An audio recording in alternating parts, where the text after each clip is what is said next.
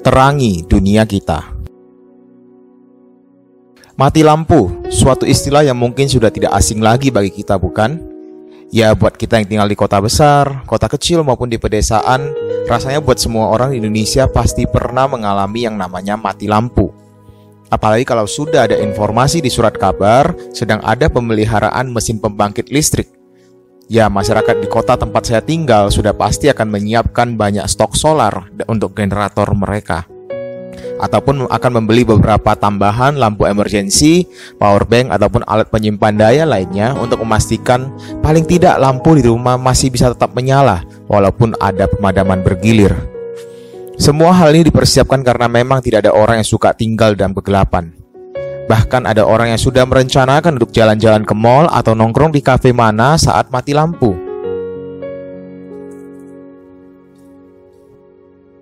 Yesus berkata kepada murid dan pendengarnya, "Kamu adalah terang dunia.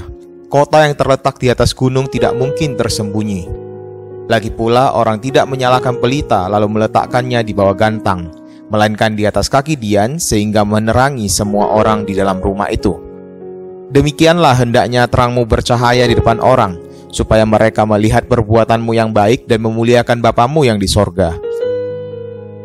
Kalau begitu, bukankah seharusnya orang-orang Kristen disukai oleh orang banyak karena mereka membawa terang dunia? Bukankah orang-orang Kristen membawa terang kepada dunia yang gelap? Jika demikian, mengapa di bagian sebelumnya Yesus mengatakan juga bahwa murid-muridnya akan dianiaya dan difitnah karena membawa kebenaran? Mari kita ulas bersama. Terang menjadi suatu tema yang penting dalam Alkitab. Dalam menciptakan bumi dan segala isinya, yang pertama diciptakan oleh Allah adalah terang Terang juga adalah identitas dari Allah sendiri. Yesus mengklaim dirinya, "Akulah terang dunia." Yesus mengatakan bahwa dirinya adalah terang dunia. Yesus digambarkan oleh Yohanes dalam Injilnya sebagai terang yang datang ke dalam dunia yang gelap. Terang itu datang untuk memberikan kehidupan kepada manusia. Terang itu bercahaya dan berkuasa di dalam kegelapan.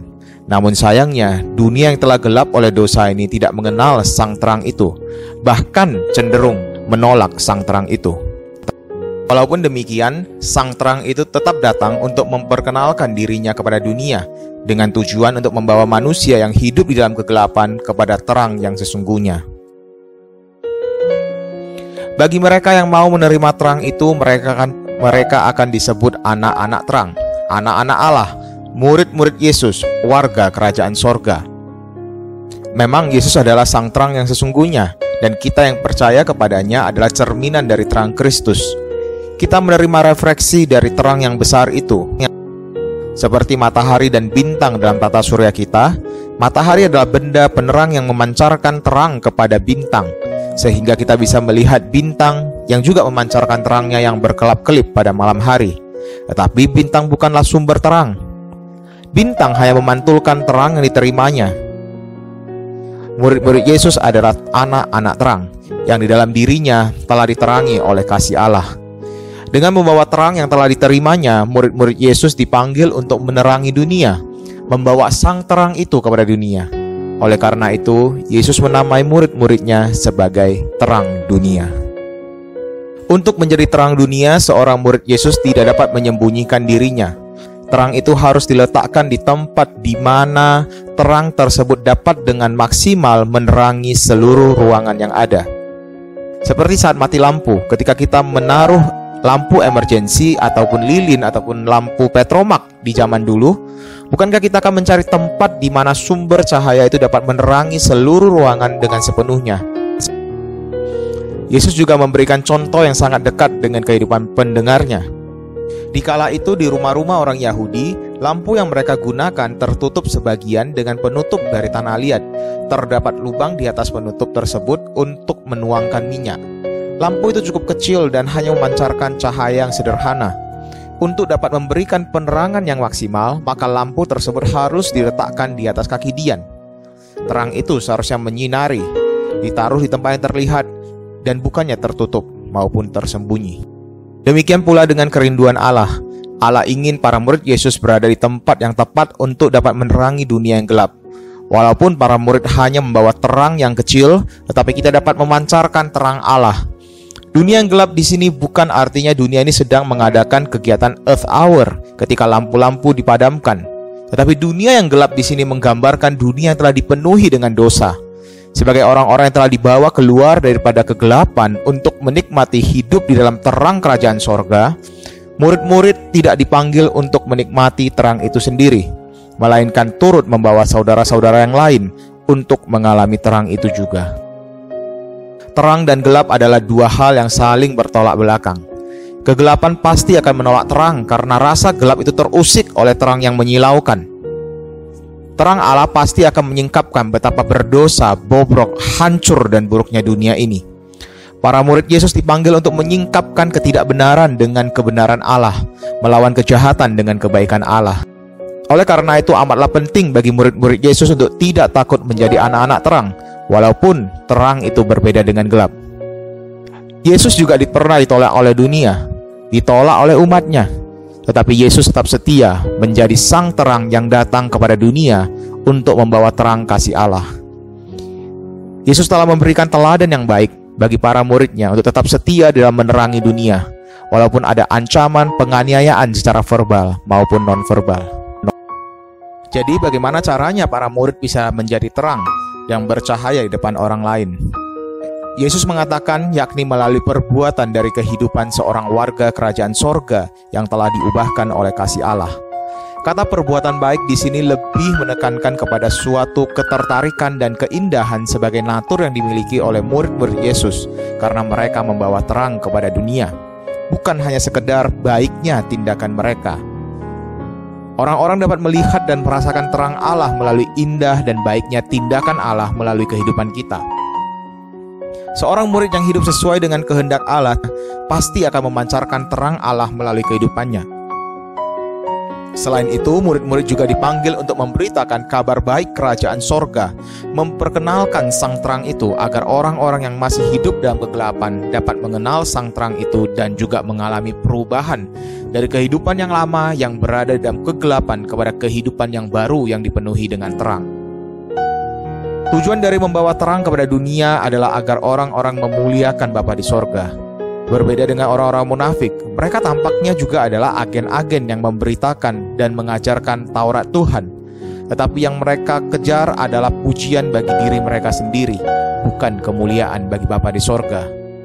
Ketika kita menjadi terang dunia, jangan sampai orang-orang hanya tertarik kepada kita dan kita lupa untuk memperkenalkan siapakah sumber terang itu.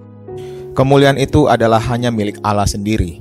Manusia adalah hanya alat Tuhan untuk menyatakan kemuliaannya.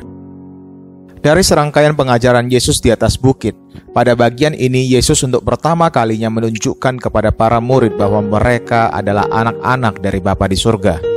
Kata ganti kepunyaanmu yang dipadankan dengan kata Bapa menunjukkan bahwa dengan menjadi murid-murid Yesus, kita adalah anak-anak Allah juga. Bapaknya Yesus juga telah menjadi bapaknya saya dan kamu.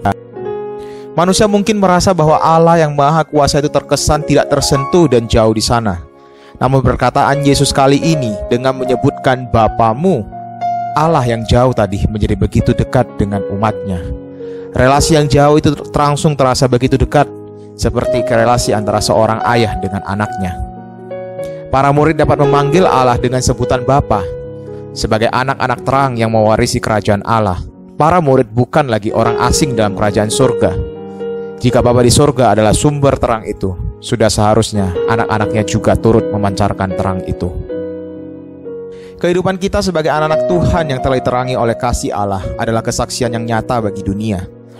Dunia dapat menilai apakah hidup seorang anak Tuhan telah menunjukkan perbedaan atau tidak. Jika hidup kita masih sama dengan dunia, tentunya kita tidak membawa terang Allah bagi dunia. Terang itu dapat dibagikan melalui kesaksian iman kita, bagaimana kita berjalan sebagai seorang murid Tuhan kita dapat menceritakan baik secara langsung maupun tidak langsung. Langsung kepada orang-orang yang ada di rumah kita, teman di kantor, teman di sekolah, teman di komunitas di mana kita bergabung, bahkan teman-teman yang ada di gereja sekalipun. Maupun kita dapat bagikan melalui media sosial yang kita miliki. Jika saudara terpanggil untuk pergi bermisi, saudara juga dapat membagikan firman Tuhan melalui pelayanan misi. Tuhan panggil kita menjadi pembawa terang melalui profesi dan kehidupan kita sehari-hari di mana pun dan kapan pun kita berada, kita adalah pembawa terang dari kerajaan sorga. Alkisah seorang raja yang memimpin suatu kerajaan yang besar dan dia sudah tua. Dia mau mencari seorang daripada ketiga anak laki-lakinya yang layak dijadikan untuk menjadi raja menggantikan dia. Sang raja ini pun kemudian memanggil ketiga anaknya untuk menghadap. Raja mengatakan kepada anak-anaknya untuk memilih salah satu hal yang dimiliki oleh ayahnya. Pilihan yang terbaik akan menentukan kepada siapa tahta ini akan diwariskan. Ketiga anaknya pun pulang dan diminta untuk memikirkan dengan baik dan menghadap raja tiga hari kemudian. Tiga hari pun berlalu dan datanglah ketiga pangeran ini. Anak yang paling sulung kemudian dimintai untuk merespon terlebih dahulu. Sang anak yang sulung kemudian berkata, Raja, saya minta seluruh wilayah yang dikuasai sang raja. Wow, menarik ya. Dia minta seluruh daerah kekuasaan. Kemudian anak kedua pun datang dan menghadap sang ayah. Ia pun menjawab, "Ya raja, saya minta mahkota kerajaan yang dipakai sang raja. Dengan demikian saya akan menjadi raja untuk menggantikan ayahanda." Anak ketiga pun datang dan menjawab, "Ya raja, saya hanya minta dan mohon agar cincin yang dipakai baginda sebagai materai kerajaan diberikan kepada saya." Saudara, kira-kira siapa yang layak menjadi raja? Anak yang pertama kedua, atau yang terakhir? Ya, tentunya anak yang bungsu bukan? Wilayah kekuasaan dan mahkota raja tidak ada gunanya bukan dibandingkan dengan sebuah cincin kecil yang dipakai sang raja sebagai materai kerajaan. Stempel kecil yang menunjukkan sebuah kuasa besar yang meliputi seluruh wilayah kekuasaan dan istana raja. Begitu pula dengan terang yang kita miliki sebagai anak Allah. Walaupun mungkin terang kita terasa kecil, tetapi terang yang kecil itu tetap bisa berguna untuk menerangi kegelapan yang ada di dunia di mana kita berada. Sebagai anak-anak terang, kita diberikan kuasa untuk membawa terang kepada dunia yang gelap. Pertanyaannya, sudahkah kita menunjukkan terang itu? Atau jangan-jangan kita hanya menutup identitas kita, menyembunyikan diri kita sebagai orang Kristen di dalam gantang, sehingga orang tidak dapat melihatnya? Kita malu untuk menunjukkan diri kita, kita malu untuk menyatakan terang itu kepada dunia. Mari kita bersama-sama pancarkan terang itu, dan biarlah Bapa di sorga dimuliakan melalui kehidupan kita yang membawa terang Allah kepada dunia.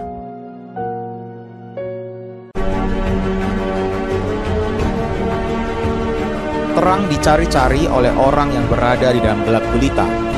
Secerca cahaya akan membuat kegelapan menjadi sirna, Rasa takut pun hilang ketika kegelapan sudah tidak ada. Dunia ini telah menjadi gelap oleh dosa. Namun, Yesus berkata bahwa kamu dan saya adalah terang dunia. Mari kita membawa terang Allah kepada mereka yang belum mengenal Dia.